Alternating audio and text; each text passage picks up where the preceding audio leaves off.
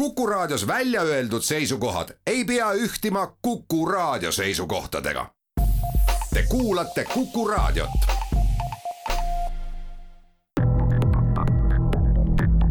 krimiraadio, Krimiraadio. tere taas, eetris on Krimiraadio ning saadet juhivad täna ajakirjanikud Timo Tarve ja Karel Reisenbuk. seekord räägime meestest, kes avalikkuse ees on tavaliselt ilma nime ja näota ning identifitseerivad ennast hoopis unikaalsete numbrite järgi. nimelt tuleb juttu politsei eriüksusest K ehk K-komando tegemistest ning selleks oleme kutsunud saatesse pikaaegse K-üksuse juhi Hannes Perki, kes tõsi küll, üleeile K-komandoga lõpparve tegi. tere tulemast! tere! ja Hannese karjääri lõpp eriüksuses ka on nüüd ka otsene ajend, miks me täna siis sellest eriüksusest, millest tõesti palju ei räägita, vaid aeg-ajalt ta uudiskünnist ületab, me täna kõneleme. Hannes, milles siis asi nüüd? noor, täis elujõus mees, kas teie füüsis ja vaim sai otsa?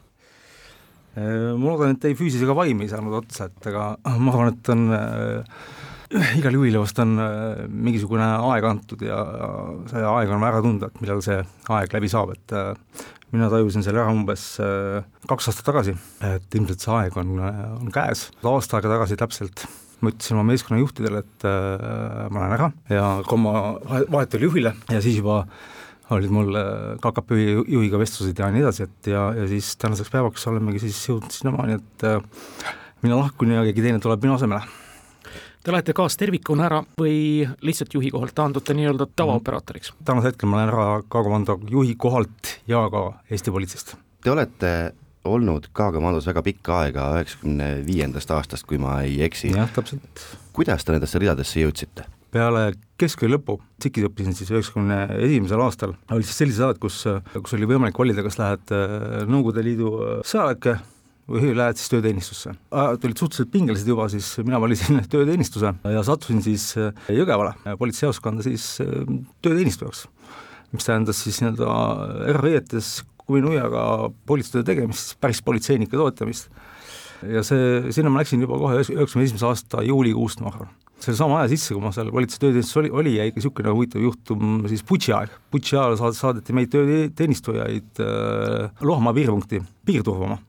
kuna Eesti oli juba mingil moel piirid oma kontrolli alla võtnud, äh, siis, äh, siis seal mingisuguse rotatsiooni alusel siis seda piiri seal kontrolliti. ja meie siis, äh, meid siis ka mingisugune posu jõge, Jõgevalt saadeti seda piiri sinna kontrollima. piiripunktis siis töötasid tol ajal, minu arust oli seal ainult kaks politseinikku relvastatud politseinikku ja, ja ülejäänud olidki siis tööteenistujad ja, ja, ja muud abilised sellised. sellest, sellest nädalast või kahte, ma ei mäleta, kaua, kaua me seal olime ja siis ka siis Butši aeg ja ma mäletan väga hästi, kuidas siis ma olin oma vahetuse lõpetanud ja magasin hommikul, kui siis, kui siis tuli, tuli teade, et Mihkva dessant on tulemas ajasime kõik ennast püsti, korjasime kogu oma vara, vara kokku ja läksime siis nii-öelda juba ettevalmistatud äh, evakuatsioonipunkti tegelikult. ja pärast äh, evak-, evakuatsiooni tegemist siis liikusime mitte mäe, mäe otsa siis vaatama, seal, mis seal siis seal piiripunktis toimuma hakkab, et äh, kaks relvastatud politseiametnikku tegelikult jäid piiripunkti alles. ja tegelikult läks kõik rahulikult, üks nendest politseiametnikest on töötaja Keskkonna-politseis. ta oli vahetult tulnud just ka tegelikult Nõukogude armeest dessantvägedest, et ta selles mõttes nagu kuidagi sai seal väga hästi äh, sina peale nende äh, Pihkva dessantüksusega ja, ja, ja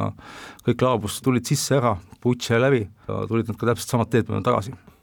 siis me enam evakueerima ei, ei pidanud, et aga sealt edasi juba siis äh, tööteenistuse ajal hakkasin käima Tallinnas, Jõgevalt Tallinnas taekwondo trennis, käisin kuu aega taekwondo trennis, mind kutsuti taekwondo koondisesse ja taekwondo koondisesse ja, ja kuna seal olid treeningud iga päev, siis mul seal Jõgeva politseis tööl käimine jäi suhteliselt väheseks ja töösuhe siis Jõgeva politseis lõppes kuskil üheksakümmend kaks aasta juuni ja, kohe pärast seda sain ma siis kõne peakomissariaadist, et me leidsime teile hea koha, kus tööd, kus aega teenides oli siis sisekaitse operatiivrõgant ja sisekaitse operatiivrõgant ja ma ka läksin. minu üheks ülemuseks oli üks siis äh, inimene, kes äh, isegi operatiivrõõmist läks siis lõpuks mingi hetk läks K-komandosse. kui ma olin ajateenistuse lõpetanud äh, Soris, siis ma jäin Sori, Soriga tööle äh, eriteeninduskompaniisse, üheksakümmend kaks aasta suvel ma võtsin selle inimesega ühendust, et ma sooviks tulla, kes oli just lihtsalt liikunud K-komandosse, ma sooviksin tulla kaasse aga samal ajal pakuti meile ka siis nii-öelda siis, mitte pakuti, vaid siis nii-öelda Sori eriteeninduskompanii saadeti Narvasse elektrijaama siis nii-öelda kaitsma, kuna seal toimusid suured kaablivargused. ma tahtsin seda kindlasti teha, olime seal kaks kuud, huvitavad ajad, tulime sealt tagasi, siis ma jätkasin oma teenistust rühmaülema ja käsivõitlusin Sutturina Soris ja siis üheksakümmend kolm aasta suvel või sügisel ma võtsin uuesti ühendust selle inimesega ja ütlesin, et ma siiski nüüd tahaksin tulla kindlasti K-komandosse. käisin Lehtosel Lepitkolgi juures ja siis üheksakümmend viis, esimene veebruar siis minust saigi K-komandos äh, katse all olev vaater. ütleme teie operaatori numbri ka ära, sest et see on see, mille järgi, no see on teie passi, isikutunnistus ja kõik kokku. jah, täpselt nii, et see on kolmkümmend kolm. kolmkümmend kolm, kolmkümmend kolm enam keegi kanda ei saa. ei räägime siis kuulajatele lahti lisaks sellele müstilisele pardanumbrile, mida kannavad kõik operaatorid, millega siis tegeleb täpselt politsei eriüksus ka, mille poolest ta teistest eriüksustest erineb kiirreageerijatest ja, ja kõigist muudest mundrit kandvatest ja mitte mundrit kandvatest politseinikest no eriüksus on äh, üheksakümne esimesel äh, aastal, kui ta loodi, eks ole, see loodi just äh, eelkõige võitluseks kasvava organiseeritud tõrjuse vastu võitluseks. Ja sealt edasi juba tekkisid ka järgmised ülesanded, nagu siis pantmänge vabastamine, terrorismivastane võitlus, barrikadeerunud relvastatud ohtliku isiku kinnipidamine, olukordade lahendamine, muude eriolukordade lahendamine, ohtlike kurjategijate siis kinnipidamine, mis on tegelikult meie nii-öelda igapäevatöö, toetada siis kriminaalpolitseid, aga see, kuhu meie treening fookus on suunatud, on ikkagi nii-öelda erivõimetele, need, mis aitaksid meil lahendada siis äh, pantvängu olukordi, terrorismivastaseid võitlust pidada siis äh, erinevates mis iganes keskkonnas milliste nii-öelda erioskustega inimesed äh, teil seal K-üksuses siis ikkagi on, et ma pean silmas, et milliseid vahendeid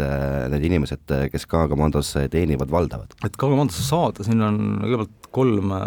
põhitingimust, väga lihtsalt ei saa, peab olema vastav haridus, kas siis politsei, vanglate või siis kaitseväe haridus või siis mingi muu kõrgharidus, sul peab olema äh, vastav töökogemus. Ja sa pead olema läbinud ajateenistuse see on meil äh, kindel reegel. on küll juhtunud üks selline erand, et me võtsime mitteajateenistuse läbinud äh, operaatori meile tööle, aga tingimusega, et ta läheb ajateenistusse ja seda ta tegi ka ja veel ajateenistuse lõppemist tuli ilusti me rida, ridatud seda tagasi, et äh, väga äge kogemus ja väga äge kutt. Äh, edasi on meil siis katseaeg, baasvälja neli kuud, kui siis otsustatakse, kes siis jääb, kes läheb ja kes jääb, siis äh, saab oma nii-öelda pardanumbri õla peale unikaalse ja, ja sellest siis hakkab siis põhiväljaõpe ja eriväljaõpe ja spetsialiseerumine, et et neid valdkondi, mis meie eriüksuses on, on, on, on selles mõttes nagu päris palju, et osad valdkonnad on need, mida kõik peavad teadma, mis puudutab siis äh, taktikat näiteks, eks ole äh,, CQB, linnavõitlustaktika, metsavõitlustaktika, luure teostamine, erinevad kinnipidamised tänavatel ja nii edasi ja, ja nii edasi, erivõimekuste juurde kindlasti äh, läheb siin äh, lõhkamine näiteks on üks kindlasti üks äh, nii-öelda lõhkeainega lõhkamine on üks, üks äh, väga tõsine erivõimekus, mille, millega me siis nii-öelda siis juriidiliselt jõudsime purki selle aasta märtsis. võimekuse arendamisega alustasime kuskil üheksakümne viiendal tõsisemalt, et, et siis nüüd siis viimastel aastatel oleme nagu väga tõsiselt sellel, sel teemal edasi arenenud ja nüüd on siis ka see juriidiline pool, pool kenasti purgis. siis äh, mereoperatsioonide võimekus on ikka väga oluline, minu arust üks olulisemaid võimekusi seal, sellel üksusel üleüldse, oleme me ju jõudnud üleni veega sisuliselt sisuliselt, et ainult lõuna pool meil, meil, meil vett ei ole, et see, mina pean seda võimekust nagu väga oluliseks, saime. kaks tuhat üheksateist alustasime siis tegelikult äh, paadihankega, mis äh, kaks tuhat äh, jah, kaks tuhat kakskümmend sügis siis, siis valmis Baltic Wave Boatsis siis erioperatsioonide paat ja, ja, ja see on niisugune väga äge võimekuse tõus üksuses, sealhulgas siis sukeldujad, aga sellega nüüd siis tegeleme see ei ole selles mõttes nagu uus võimekus K-komandos, et äh, sellega on tegelikult äh, aegade algusest, aga noh,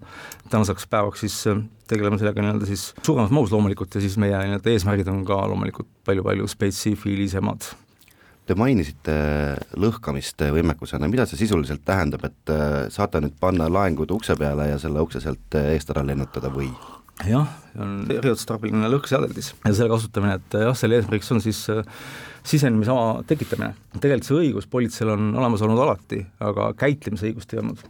ja siis sel aastal siis jah, märtsikuuga sai siis nii-öelda siis ka käitlemisõigus siis äh, politseile ja meie üksusele nagu, nagu antud ja, ja see on sellega nagu lahendatud. no selle kohta öeldakse tavaliselt naljatamisi ja sisenaljana, et legaliseerisime oma senise ebaseadusliku tegevuse. aga lähme siinkohal väikesele pausile ja siis jätkame Krimiraadio saadet. krimiraadio, Krimiraadio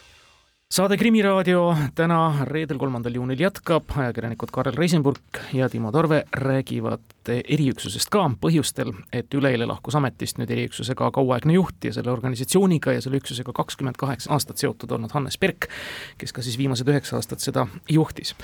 mis puhkudel üldse ka sündmustesse kaasatakse, see ei ole nüüd see otsus, et mehed, meil hakkas igav, käed hakkasid sügelema, lähme teeme midagi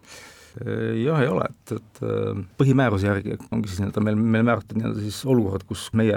peaksime nagu sekkuma, et mina olen kasutanud sellist mõistet nagu sündmused, eks ole, mis kuuluvad siis erioperatsioonide pädevuse valdkonda, alates siis pantvangi olukordadest, mis on kõige keerulisemad üleüldse lahendada, järgnevalt siis äh, terrorismivastased äh, operatsioonid, terroristide vastased operatsioonid, siis täpsemalt, terrorismiga meil tegeleb äh, kapo, ohtlikud relvastatud kurjategijad, kui on relvad mängus, Äh, peaks olema teavitatud ka meid, protseduur, kuidas see käib, on, on iseenesest lihtne, tähtis on lihtsalt see, et see informatsioon, kui ohtlik see olukord on, või kui ohtlikuks olukord võib äh, kujuneda, jõuaks hästi kiiresti eriüksuseni. et siis saab ka eri, eriüksus nii-öelda kogu selles otsustusprotsessis äh, kaasa mängida, kas meid on nüüd vaja kaasata või meid ei ole vaja kaasata. olid vanasti ajad, kui äh, ikkagi eriüksuslasi tunti võrdlemisi hästi, nad käisid äh, koolides äh, ennast tutvustamas, oli igasuguseid demonstratiivesinemisi, miks te nüüd nõnda varjatult tegutsete ja ringi toimetate? eks ta on ilmselt mingisugune aja tunnus, et tegelikult me demosid teeme ikka, aga, aga väga kitsale ringile, et demodest me päriselt pääsenud ei ole neid peab tegema skeema, käima ikka, aga jah, me püüame selles mõttes äh, võimalikult varjus ennast hoida, selleks on ka siis tegelikult nii-öelda reaalsed põhjused, äh, eelkõige siis nende operatsioonide iseloom, mida me läbi viime ja siis sealt tulenev võimalik oht ka siis äh, operaatoritele nii-öelda vastulöögina, et sellepärast äh, on see kindlasti oluline, lisaks sellele on eriüksuse taktikad ja relvastus, varustus äh, ainult ametialaseks kasutamiseks, ta on hästi-hästi piiratud levikuga teave, et ja tänaseks tegelikult on, äh, on ka jõustunud selline seadusemuudatus, kus eriüksuse relvastus, varustus ja tehniline kirjeldus on võimalik panna siis riigisaladuse alla. kõik kokku siis on need viinud suhteliselt Äh, varju kindlasti ka Keskkriminaalpolitsei tegevused ja sealhulgas operatiivbüroo tegevused on ju tegelikult hästi-hästi varjatud ja meie oleme osa sellest ja, ja, ja käime sellega äh, kaasas. No filmi oleme kõik näinud ja me võime aimata, et kindlasti on teil käsitulirelv, kindlasti on teil automaatrelvad, snaipritel on snaiperrelvad, ma usun, et teil on olemas köied, teil on olemas taraan, lõhkeainest ei ole juttu, et koerad, koerad on olemas ja kindlasti on teil olemas noh, veel ühte, no droonid näiteks, millega võib-olla sündmuskohta niimoodi kaardistada ja noh, paatidest ei ole ka nüüd saladust teinud. mind ikka huvitab see, et kui väljakutsele minnakse, see täpne info, kuidas see teieni täpselt jõuab, ütleme sündmuskoha juhi koha pealt ja, ja kuidas te juba siis sõidu pealt oskate nii-öelda oma tegevusi planeerida nõnda kiire sündmuse puhul, näiteks seda on pantvangi draama? Või on mingisugune taktika juba ette nähtud, selge, pantvang, kindlasti Reimo Raivet läbirääkijana kaasa ja siis juba räägime edasi? jah, näiteks täpselt ongi, et kui äh, Reimo Raivet, Raivet äh, saab kõne, temale on tulnud info, et on võimalik pantvangi olukord, ta teeb meile kõne ja kui meie saame info, et meil on, meil on selline olukord, kus on võib-olla vaja läbirääkijaid kasutada, siis on minu poolt kõne Reimo Raivetile ja, ja, ja selliselt see asi väga hästi nagu toimibki. kui me räägime igapäevastest äh, kriminaalpolitsei toetamistest, siis sealt, seal on nii-öelda kriminaalpolitsei meie jaoks tellijaks TL esitab meile, ta püstitab meie jaoks ülesande ja siis meie siis pakume selle jaoks välja lahenduse ja siis koostöös tellijaga siis see lahendus siis ka püüame realiseerida. mis puudutab nüüd muudesse ad hoc sündmustesse, siis jah, see tuleb kas siis näiteks jah, Reimo Raivetilt, kas see tuleb näiteks otse operatiivjuhilt, välijuhilt või siis ikkagi äh, operatiivteabe, teabeteenistuselt ehk siis korrapidajalt, et, et selline sündmus on palun äh, tulge kohale. see ju puhul siis jah, meil on omad protseduurid loomulikult, äh, kuidas me neid asju siis äh, lahendame, väga detaili ei tahaks loomulikult minna, aga jah, et kui me nüüd räägime näiteks pantvangi olukorra lahendamisest, siis seal on meil terve hunnik erinevaid funktsioone siis, mis me peame siis nii-öelda sündmuskohal üles ehitama ja mida siis täitma, kõige olulisem siis selle juures on tegelikult, iga olukorra juures tegelikult on kõige tähtsam see, et, et me saaks aru, mis olukorraga meil tegelikult tegemist on, et me ei lahendaks seda olukorda, mida me kujutame iseenda peas ette, et me, et, et meil on siin selline, selline olukord, et, et et kui näiteks on siin Reimo Raivetiga mingid, mingid väljakutsed olnud ja oleme kogunenud näiteks Põhja prefektuuri viiendal korrusel staabiruumis, siis meie kõikide, sealhulgas operatiivjuhi siis nii-öelda esimene põhiküsimus on alati, et mis olukord meil on, et kas meil on nagu päris olukord või me mõtleme olukorra välja ja siis lähme äkki iseenda välja mõeldud olukorda lahendama, et see on see, mida teha ei tohi ja, ja nii-öelda ja sealt hakkab siis nii-öelda see info kogumine et kinnitada, millise olukorraga tegemist on ja mismoodi me seda olukorda siis lahendama peame ja saame hakata. aga ikkagi, ma saan aru, et äh, me ei saa minna nende kirjeldustega päris detaili, aga et kuulaja võib-olla paremini mõistaks, mismoodi K-üksus ikkagi äh, tegutseb, siis on ähm, hea meenutada mõnda juhtumit ja, ja mulle tuli siin äh, meelde üks juhtum, kus isa hoidis pantvangis ühte väikest tütart, lubades ta ära tappa, olite tõenäoliselt sellesama sündmuse juures ka ise? ja seal ei olnud ju väga avarate tingimustega tegemist, kui te läksite last päästma? ei, see oli ühiselamulaadne elamu, ma ei mäleta täpselt, mitmendal korrusel see äh, sündmus toimus, mina olin tol ajal siis ründegrupi äh, juhi asetäitja tol päeval. sisuliselt see, mis me siis teeme, on, on ikkagi see, et me saame kõigepealt siis nii-öelda juhtimistasandil kontakti siis äh, operatiivjuhi, välijuhi ja, ja, ja teiste kohalolevate jõududega, sinna läheb üldjuhul üks juht või tema asetäitja, olenevalt siis keerukusastmest, äh, me paneme nii-öelda silmad peale olukorrale. Et olukord oleks meie kontrolli all, et äh, me teame, et umbes selles alas siis, siis meil siis nii-öelda nii vaatlejad, snaiprid äh, siis hakkavad seda olukorda siis jälgima nendest positsioonidest, välistest positsioonidest, nii-öelda perimeetri positsioonidest, kus nagu võimalik seda lahendada on, oleme valmis loomulikult hädarünnaku meeskonna, hädarünnaku meeskonnal on väga spetsiifilised õigused, väga spetsiifilised ülesanded ja sealhulgas siis alustame ka tegevusi veel päris mitmes valdkonnas, nii siis planeeritud rünnaku valdkonnas, luurevaldkonnas, ja, ja kõik see informatsioon siis peab kogunema siis staapi, kus siis peaks kokku joonistuma siis tegelik pilt, mis olukorra meil tegelikult tegemist on ja kuidas me seda olukorda lahendada saame, et äh, käesolevast sündmusest jah, rääkides nii palju, et äh, seal meil oli jah, staabielement oli olemas, snaiprid olid, meil kenasti positsioonidel, rünnakurühm oli meil positsioonidel, tuli välja, et majas on olemas ka kaamerad, me saame võtta kaameraruumi oma kontrolli alla ja olla siis nii-öelda, hoida siis rünnakurühma natukene kaugemal, siis nii-öelda ründerühma niisugune üks ülesanne alati äh, leida alati paremat positsiooni ja seda, selle ta peab siis kooskõlastama staabiga, sealhulgas siis on rünnakurühma ülesanne siis küsida, eriüksusel on olemas erinevaid äh, roesid, roe on siis rules of engagement, ehk millisel, millistel tingimustel, milliseid äh, tegevusi me teha tohime. ja see on nagu üli-ülioluline asi ja see on seotud sellega, mis olukord siis täpselt on ja milline, milline informatsioon on olemas. see lugu juppes õnnelikult, äh, Reimo Raivet nii palju suutis äh, pantvangi võtja tähelepanu ja valvsust hajutada, et äh, operatsioon läks no vaata, selles mõttes ideaalselt lapse elu päästeti, ta sõitis ise ka seda last vist edasi kanda ja pätt sai raudu ja vangi ja kõik läks selles mõttes hästi. kui me nüüd räägime ühest teisest juhtumist, kus tuli siis sündmus üles ehitada, ma ei tea, kauaks selleks läks ja seda lugu mäletavad võib-olla paljud, kaks tuhat üksteist Kaitseministeerium. pantvangi kriis, Karen Trambian, kas see on nüüd, see oli see koht, kus nii-öelda see varurünnakurühm läks käiku? Trambiani sündmuse puhul äh, tekkis meil selline olukord, kus siis nii-öelda patrull oli esimene kohal, siis jõudsid kiirreageerijad, siis jõudsime meie, et see nagu, me oleme nagu kolmas laine ja siis toimus selline olukorra üle, ülevõtmine, siis kõigepealt oli see patrull, siis kiirelt võtsid patrullilt üle ülesanded ja siis äh, lõpuks, kui meie olime kohale jõudnud, siis meie rünnakrühm siis võttis äh, kiirreageerijatelt üle ülesanded. kuna selle sündmuse puhul kodanik Trambian siis õnnelike või tema jaoks mitte, mitte nii õnnelike juust, juuste tõttu siis jäi tegelikult kinni koridori, mis meie jaoks siis nii-öelda lineaarne keskkond, kus tegutseda, samas on, me ei teadnud täpselt, kus ta on, tegu oli pika-pika koridoriga ja tema asukoha tuvastamine oli, oli keeruline ja samamoodi ei olnud ju teada tegelikult tema motivatsioonid, telefonikõnedele ta ei vastanud, tema nii-öelda motivatsioonid miks ta seal on, mida ta seal teeb, mis ta üldse teha kavatseb, olid tol hetkel täiesti segased ja minu teada on nad seda täna, tänase päevani. mis on võib-olla selle sündmuse lahendamise hea võtmesõna, on kindlasti koostöö, koostöö siis EOD-ga, eelkõige siis EOD saatis siis, siis kaks äh, pommirobotit siis informatsiooni kogumiseks, mille kaudu me siis seda informatsiooni saime, tänaseks päevaks oleme loomulikult ka oma tehnilisi vahendeid selles, selles vaates ka väga oluliselt äh, üksuses äh, parandanud tol ajal meil neid selliseid vahendeid ei olnud ja kuna siis Trambiani ja niisugune juhtumi puhul võib-olla ei olnud täpselt teada, mis tähendab, olukord oligi, oligi siis nagu täpselt selline, et äh,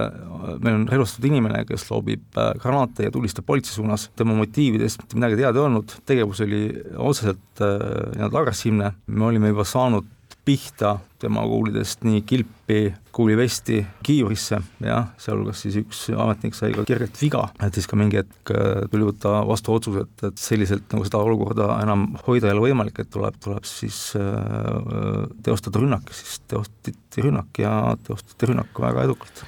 jah, see on vist ka ainuke kord, kui operaatori kuulist on Eestis kurjategija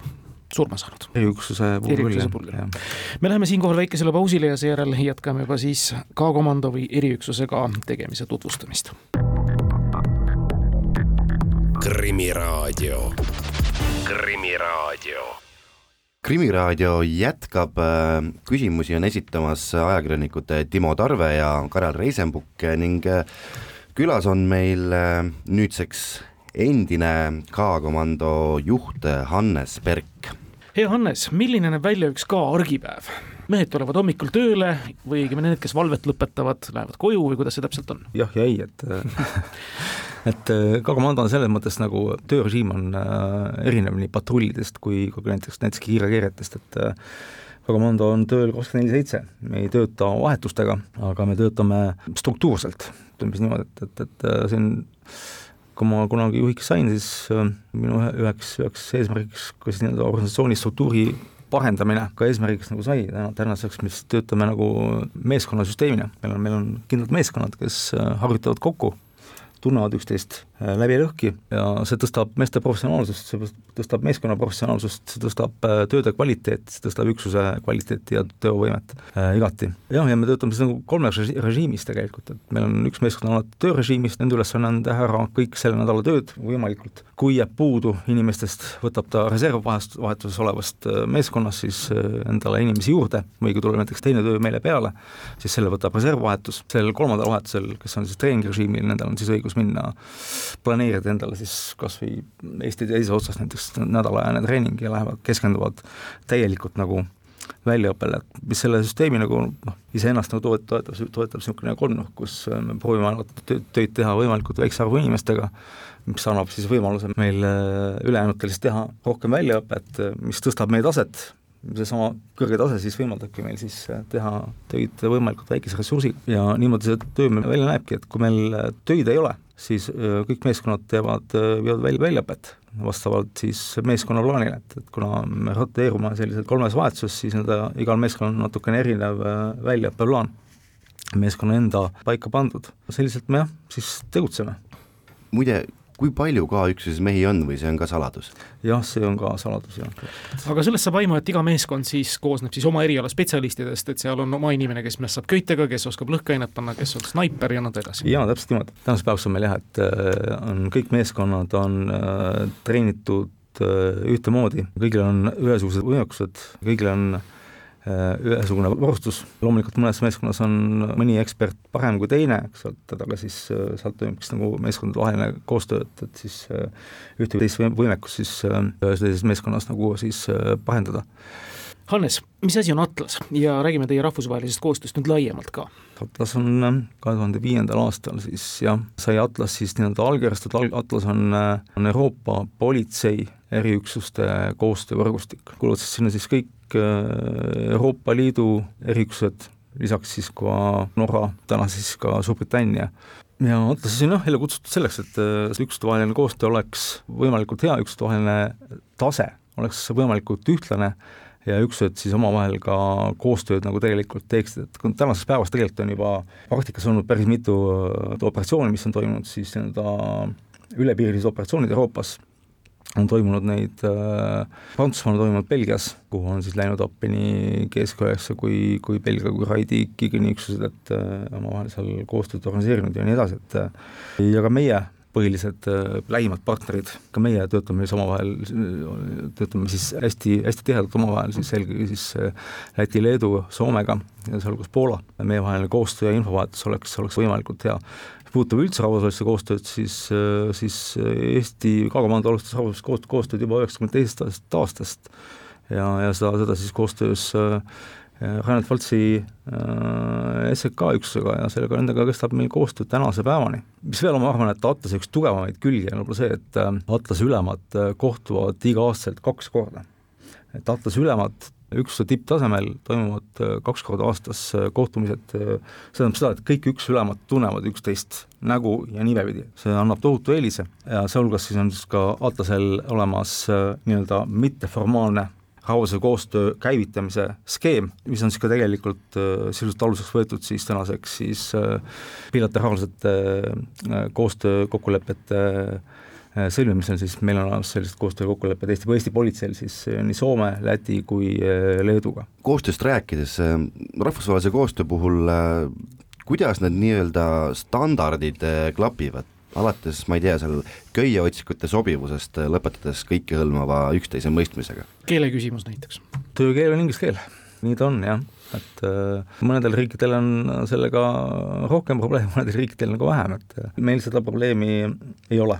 Atlasel on olemas ka mm, selline asi nagu äh, manual of guidance, MOG-ks nimetatakse. Manual of guidance on olemas siis nii-öelda üldine,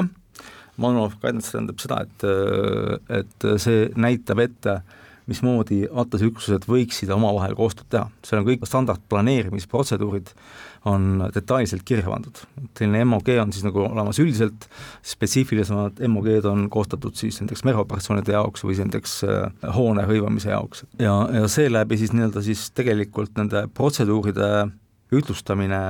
käibki kui üksuste vahel läheb vahelised protseduurid äh, nii-öelda igapäevaselt ei klapi, siis võetakse ikkagi aluseks Atlase omad ja töötab Atlase välja töötatud, töötatud äh, protseduuridega. sealhulgas siis toimuvad äh, C4 väljaõppekoolitused, C4 on siis Command Control Communication and Coordination, selles vallas siis samamoodi siis Atlase üksused siis saavad kokku ja treenivad siis nii-öelda siis seda Malmo of Guidance'i implementeerimist kas see, kes ütleme mingitel õppustel, ka rahvusvahelistel tavaliselt kaasa lööb, on see teie nii-öelda see reservüksus, mind ikka huvitab see, et kas ühel hetkel võib tekkida olukord, kus läheb hädasti teie abi vaja, aga vot ei saa mehed, kas on Leedus õppustel või on, harjutavad sukeldumist parajasti kusagil Tamulas? see on meie raudreegel, et, et vahet ei ole, mida me teeme ja kus me oleme, mingisugune, mingisugune jõud, ma numbrit ei ütle, on meil alati olemas, vahet ei ole, mis et meil on siin olnud tegelikult äh, väga palju selliseid äh, huvitavaid päevi, kus, äh, kus me oleme olnud väljas näiteks kahel operatsioonil, kahel kinnipidamisoperatsioonil, samal ajal teinud kätti mõnele vipile, samal ajal on olnud demo ka veel. Ja siiski oleme suutnud veel jõuda, hoida, hoida ka veel nii-öelda varuüksust baasis valmis nii-öelda siis selle X, X, X-faktori jaoks nii-öelda, et, et see ei ole üldse, üldsegi mitte ebatavaline meie töö, nii-öelda igapäeva töökorraldustes, et, et me tegeleme, tegeleme ikka väga, väga, väga mitmes erinevas suunas ja me kuidagi tuleme sellega toime tabasin ühe uue mõiste teie suust, kätti vipile. tahtsingi küsida, mis on veel need eriülesanded, millega te tuleb tegeleda? jah, et äh, kätt vipidel on siis jah, on üks, üks meie, meie ülesanne, et äh, kätt on counter assault tiim ah counter assault tiim, äh, ehk siis, äh, ehk siis lihtsustatult öeldes tähendab seda, et kui äh, kaitseb kaitstavat ja neid rünnatakse, kuna noh, vipp on lihtsalt rünnakalune, siis ja kui vippi rünnatakse, siis õhukaitsjate ülesanne on vippe evakueerida ja meie ülesanne on ründajaid rünnata. lihtsustatult ta täpselt selliselt öö, ongi. Te olete vihmavarjuga tänava peal ja snaiprid katusel põhimõtteliselt ei, seal on, seal on selles mõttes, ähm, seal on funktsioone natukene rohkem. ma ei hakka detaile küsima, aga no ma mõtlen piltlikult öeldes meie filmivaatajatena lihtsalt teame, et te võite olla umbes nii-öelda samade ülesannetega mehed ja,. jah, jah, jah. aga veel ma saan aru, et äh, te tegelete ju kuigi palju ka siis kriminaalse luurega ja, ja teie talenti kasutatakse ikka igal pool võimalikult palju ära. kas on ka mingisuguseid töid, mida te ei tee ja ütlete ära siiamaani näiteks? Selgitate mõnele noorele komissarile, et vabandust, et patrull ei ole meie teema? jah, patrullis, patrullis äh, eriüksus ei, ei käi. eriüksuse ülesanne ongi siis äh, viia läbi operatsioone ja teha väljaõpet, et, et pool, pool tegelikult meie, meie meie töömahust läheb äh, või tööajast läheb, läheb väljaõppe alla, ma arvan tegelikult natukene rohkem. ja see on tegelikult ülemaailmne standard et, et, et, et, et kusagil, kusagil ka Euroopa eriüksuste niisugune standard on, et see väljaõppe maht peaks olema kusagil tuhat tundi aastas, et no päris, päris palju. meil on olnud siin aastaid, kus me enam-vähem selle, selle nagu tegelikult nagu saavutame ka, et äh, iga aasta see võimalik ei ole ühel või teisel põhjusel, aga nii ta on, jah. Läheme siinkohal taas pausile ja seejärel juba Krimiraadio jätkab oma saate viimase veerandiga. krimiraadio, Krimiraadio saade Krimiraadio tänasel reedesel päeval. Karel Reisenbuk, Timo Tarve saatejuhid ja küsimas, vastamas on K-komando üleeile oma mundri ja numbrivarna riputanud juht Hannes Perk. Hannes, me rääkisime, et K-komandosse ja eriüksusesse ei ole lihtne tulla. kõigepealt tuleb kandideerida, ma eeldan, et sõel on alati olnud tihe, samal ajal headest meestest ei ole kunagi liiast, ütleme siis niipidi. aga ma eeldan, et peaks olema ikkagi eriüksusesse kandideerijal üsna märkimisväärsed füüsilised võimed. ja mis nad võiksid olla, niisugused elementaarsed, muidugi kõike annab arendada jõusaalis ja kõike, mitte ainult seal, aga mis nad on? Jaa, elementaarsed äh, füüsilised võimed äh, peavad olema, kõike annab loomulikult äh, arendada, et ega me ju tegelikult oma füüsilistest katsetest mingit saladust ei ole ka nagu tegelikult nagu teinud, et kolmest põhi, põhitingimusest selle esimese sõeleme moodustavad, kes ka läbi tulevad, nendele me teeme siis kahepäevased katsed, aga kuna me niikuinii valime tegelikult välja inimesi valitute seast, et nende eeltingimused on päris kõrged, et siis me üldjuhul oleme saanud selle kahe päevaga need, need valikud ka tehtud, et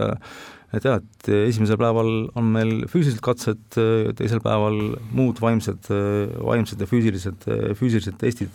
füüsiliste katsete hulka nii-öelda meil on nagu niisugune skaalasüsteem, et on olemas nagu miinimum, mida nad tingimata te tegema peavad, näiteks, näiteks peavad nad jooksma kuus kilomeetrit alla kolmekümne ühe minuti, ujuma sada meetrit alla kahe minuti või nelisada meetrit alla kaheteist kolmekümne tõmbama luuga miinimum kümme korda, tegema käte või siis surmakangi seitsmekümne viie kiloga miinimum viisteist korda. et need on sellised äh, miinimumnõuded, et äh, nii kui sa ühes läbi kukud, nii on selles korras sul katsetab läbi. millised on need äh, vaimsed katsed, mida te seal puhul jälgite? jälgige seda, kuidas inimene käitub siis erinevates, erinevates nii-öelda pingeolukordades ja kuidas tema mõtlemisvõime ja otsustus otsustusvõime säilib, loomulikult ka motoorika ja, ja, ja muu, muu taoline, et äh, see nagu kogu selle keskme äh, nagu selles mõttes nagu paika, paika panebki, et uh, kuidas mälu töötab kogu selle pinge ja virvarri sees, et mis seal ette söödetakse ja sel moel me siis püüame need inimesed nagu välja selgitada, üldiselt meil läheb päris hästi. kujutan ette, et teil ei ole ka väljakukkumise protsent väga suur, tundub, et ta on hästi motiveeriv, kogu see töökeskkond ka, kas vastab tõele, et tegelikult lõpliku sõna annab ju tegelikult meeskond ja ta peab seda tegema konsensusega, ennem kui ta tiimi nii-öelda moodustab ja liikme oma mm sekka võtab. kui need kahepäevased katsed on läbi, siis tuleb veel neli kuud, neli just. kuud äh, rasket tööd, mis lõpeb, äh, lõpeb veel nii-öelda Hellweegiga, et äh, nädalapäevad seal teed ainult siis nii-öelda, sind kurnatakse ja esitatakse ja, ja teed erinevaid ülesandeid ja, ja, ja püütakse nagu viia nagu viimase piiri peale. Need inimesed, kes sinna Hellweegini jõuavad, on üldiselt meil ikkagi juba nii-öelda nagu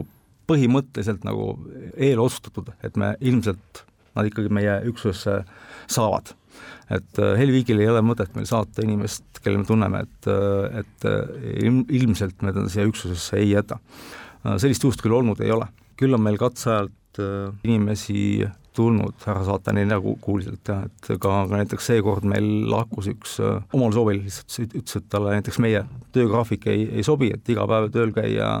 ei sobi, et ega eriüksuse tööd, ma olen seda korduvalt ka öelnud, on niisugune elustiil ikkagi ja, ja kõikidele ta lihtsalt ei, ei, ei sobi kaks poissi meil seekord tulid ilusasti läbi ja said, said hakkama, tublid mehed. kui palju tulevad kõrvalt, ehk siis ma olen kuulnud, et ega Kaitseväe eriüksusest tullakse ka ära, teie juurde otsitakse võimalust, sest et seal ei saa nii palju action'it ja tööd, kui teie juures reaalselt oma oskusi rakendada. kas see põhjus nüüd äh, on selline või mitte, aga, aga tõesti ka meil jah, töötab siis äh, inimesi erioperatsioonide päevajuhatusest, meil on olnud äh, tööl ka inimene vanglate relvastatud üksusest, mereväe taustaga inimesi on meil tööl, et selles mõttes meil seltskond on selles mõttes kirju, jah. see kõik on selles mõttes nagu hea, et, et selle kaudu me leiame üksusesse ka mingit kompetentsi, mida meil võib-olla iseendal koheselt või noh, to-, tol hetkel ei ole, pärast kui me saame need inimesed integreeritud üksusesse, siis see kompetents siis, siis saab olema või tõuseb. Milline varustus teie kasutada on? on teil äkki millestki puudus? ma arvan, me oleme varustatud väga,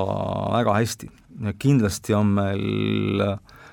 mõningad puudused. millised need puudused on sellest ikka kahjuks tõesti nagu rääkida ei saa, et aga, aga kindlasti meil puudused on ma siin nagu detaili ei saagi minna, nagu ma juba teile rääkisin ka eelnevalt, eks ole, et meie relvastuse varustus on, läheb siis õigemini siis riigisaladuse alla, et, et, et sellest ma täpsemalt nagu rääkida ei saa. ma lihtsalt küsin, et kas seesama Kolgi traditsioon on jätkumas, kõike, mida Kolk tahtis, seda ta ka sai, et kõike, mida Berk tahab oma meestele, kas ta seda ka saab? me teeme kõik selleks, et me saaksime seda, mida meil on äh, vaja ja selleks on olemas ka väga täpne protseduurika, kuidas me seda teeme, me teeme seda natuke jah, teistmoodi kui näiteks äh, muu politsei näiteks teeb, kui me saame ka nii-öelda siis äh, PPA tasandilt äh, siis nii-öelda Te vist ei tohi päris tavapärases hankes osaleda või saate või? jah, seal on, sealt tulevad, tulenevad ka piirangud, oleneb sellest, mida me siis hangime ja kuivõrd on ta seal seotud sellega, mida me juba kasutame. kui soetatav varustus on seotud meil juba olemasoleva varustusega, siis me tehnilises kirjelduses nagu peaksime selle ära mainima, aga seda ära mainida me ei saa. et sel juhul meil tulebki natuke nii-öelda siis äh, suletum äh, hankeprotsess Hannes, te lahkel loal äkki meenutate, noh nüüd juba endise ehk siis ka veteranina mõnda sellist juhtumit teie vahetul endal osalusel, mis on nagu eriti meelde jäänud ja, ja ilmselt jääbki ka edaspidist karjäärielu, ma ei tea, kas heas mõttes või halvas mõttes ilmestama? Te mõtlete mõni operatsioon? mõni operatsioon ähm tead, ma täna kodus mõtlesin selle peale ja, ja ma ei suutnud seda nagu välja mõelda, et, et milline operatsioon see võiks nagu selles mõttes nagu olla, et, et mis mind äh, mõjutanud on kindlasti Voikade suvi on see, mis oli väga põnev, väga huvitav, väga pikk. Voikade kinnipidamise operatsioon, kuhu me siis, äh, üksainus operatsioon, kuhu me saanud siis minna helikopteriga, et mina olin siis selles äh, järgi minemas helikopterimeeskonnas. võib-olla need asjad, äh, mis veel, eks siin, siin ongi see, et, et, et väga raske on, et, et eks need esimesed aastad on need, mis kõige rohkem mõjutavad, et ülejäänud on selline õppimine ja arendamine, et, et seda nii-öelda vahetut mõju nagu vähem, et võib-olla mis mis mind muus mõttes nagu kõige rohkem nagu mõjutanud on, on äh, inimesena või mõned sellised seigad mu elus näiteks, mis on nii-öelda aidanud mul ilmselt jõuda sinnamaani, kus ma täna olin või õigemini siis mõned päevad tagasi veel olin, et äh, ma mäletan, et äh, seesama inimene, kelle kaudu ma siis kaasa tööle sain, ütles mulle ühed väga-väga olulised sõnad kunagi, et ähm, kuna noh, ma olin uus mees äh, seltskonnas ja suhteliselt tagasihoidlik, tegin oma asja ja, ja nii ta oli ja siis äh, mingi päev siis äh, number kuusteist on ta, ta number siis, nime ei saa öelda, ta veel endiselt on äh, rivis, küll mitte kaas ja kutsus mu, me olime siis tollal veel äh, pagariväes seal all oli meil kohvik, kutsus mind sinna kohvikusse, ütles, et Hannes, tule, mul on sulle juttu. siis ma polnud veel numbrit kätte saanud minu arust. ja siis kutsus mind sinna alla ja ütles Hannes, et et sul võivad olla peas väga head mõtted, väga geniaalsed ide ideed, aga kui sa nendest ei räägi, nendest mitte keegi teada ei saa. ja see on üks, see on üks võib-olla minu jaoks mingisugune ärkamishetk, et tõesti, et nagu sa oma suud lahti ei tee, siis sinu geniaalsetest mõttest ka keegi nagu teada ei saa ja, ja sind ka keegi nagu tundma ei, selles mõttes nagu ei õpi, et see oli niisugune väike niisugune, niisugune flash hetk, ma ütlen, ja võib-olla teine niisugune, et kuidas mind võtsid lõpuks omaks äh, minu arust vähemalt, tolleaegne siis nii-öelda juhtkond, aga siis niisugune juhtgrupp. Vanadest olijatest koosnev oli see, et äh, meil oli siis tolleks ajaks, me olime juba tööstuses, see oli, oli niisugune, niisugune traditsioon, et äh, kui see juhtgrupp meil läheb, läks taha ruumi istuma juttu rääkima, siis kõik üldjuhul tulid sealt ära, nemad läksid sinna asja arutama, aga mina jäin sinna tihtipeale istuma. Jäin lihtsalt sinna istuma ja istusin seal ja hakkasin rääkima, hakkasin argumenteerima ja kui sa lõpuks teed nagu inimestega koostööd, siis kõik tegelikult sujub ja mind võeti kuidagi omaks. Hannes, kas äh mehed ka üksuses on äh, sõbrad kogu eluks, käite te ka vabal ajal läbi? jaa, käiakse loomulikult jah, jah, ja kindlasti on, äh, on seal sõpru kogu eluks, absoluutselt jah. ka mina käin siiamaani läbi inimestega, kes enam ammu, ammu enam kaasa ei ole ja me oleme väga suured sõbrad. Hannes, kes saab teie järglaseks, kas tema nimi saab avalikuks, lisaks numbrile? mingi hetk kindlasti jah, aga see pole minu otsustada, see on nüüd uue Keskkriminaalpolitsei juhi otsustada kas ei ole nõndaviisi, et kaas ikkagi eelmine juht määrab järgmise? vanasti oli see küll niimoodi. või meeskond ütleb, et see on meile hea juht? jah eks otsustajad on need, kes äh, otsustajad ja vastutajad on need, kes,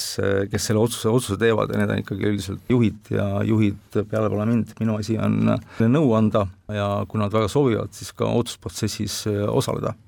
aga eelkõige nõu anda ja ka otsustavad jah, ikkagi, ikkagi siis operatiivbüroo juht ja keskkonnabüroo juht siis, antud hetkel siis minu poolt tehtud ettepanekute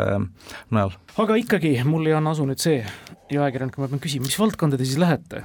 Kes saab rõõmustada teie oskuste talendi üle? hetkel äh, ma olen olnud politseis kolmkümmend kaks aastat, kakskümmend kaheksa aastat äh, K-komandos, üks aastat selle juhina, et äh, ma läksin politseisse kohe peale keskkooli. ma pole siiamaani olnudki normaalne inimene võib-olla imelik öelda, aga ühesõnaga ma võtan nüüd kindlasti aja maha ja ma tahan proovida, mis tähendab olla mittepolitseinik natukene aega, ma ei, ma ei väida, et ma äkki mingi hetk politseisse mingil põhjusel äh, tagasi lähen, aga hetkel ma võtan tõesti lihtsalt aja maha. Ja kuna minu nii-öelda tööstiil või ka siis ka juhtimisstiil või noh, tööstiil on olnud selline, et ma olen äh, töö alati pannud äh, esikohale paraku, siis eelkõige on selle, sellest jah, pihta saanud kindlasti minu pere, eelkõige siis loomulikult minu naise näol, et no abikaasa Helen, et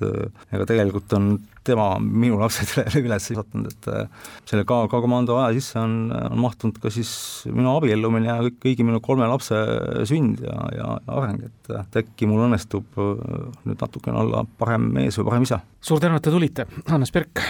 eriüksuse K endine juht, meile sellest organisatsioonist, iseenda tegemistest sealjuures rääkimas, tõesti kõigeks järgnevaks nüüd K-komando ja politsei järgselt soovime teile palju jõudu ja edu! suur tänu! Krimiraadio. krimiraadio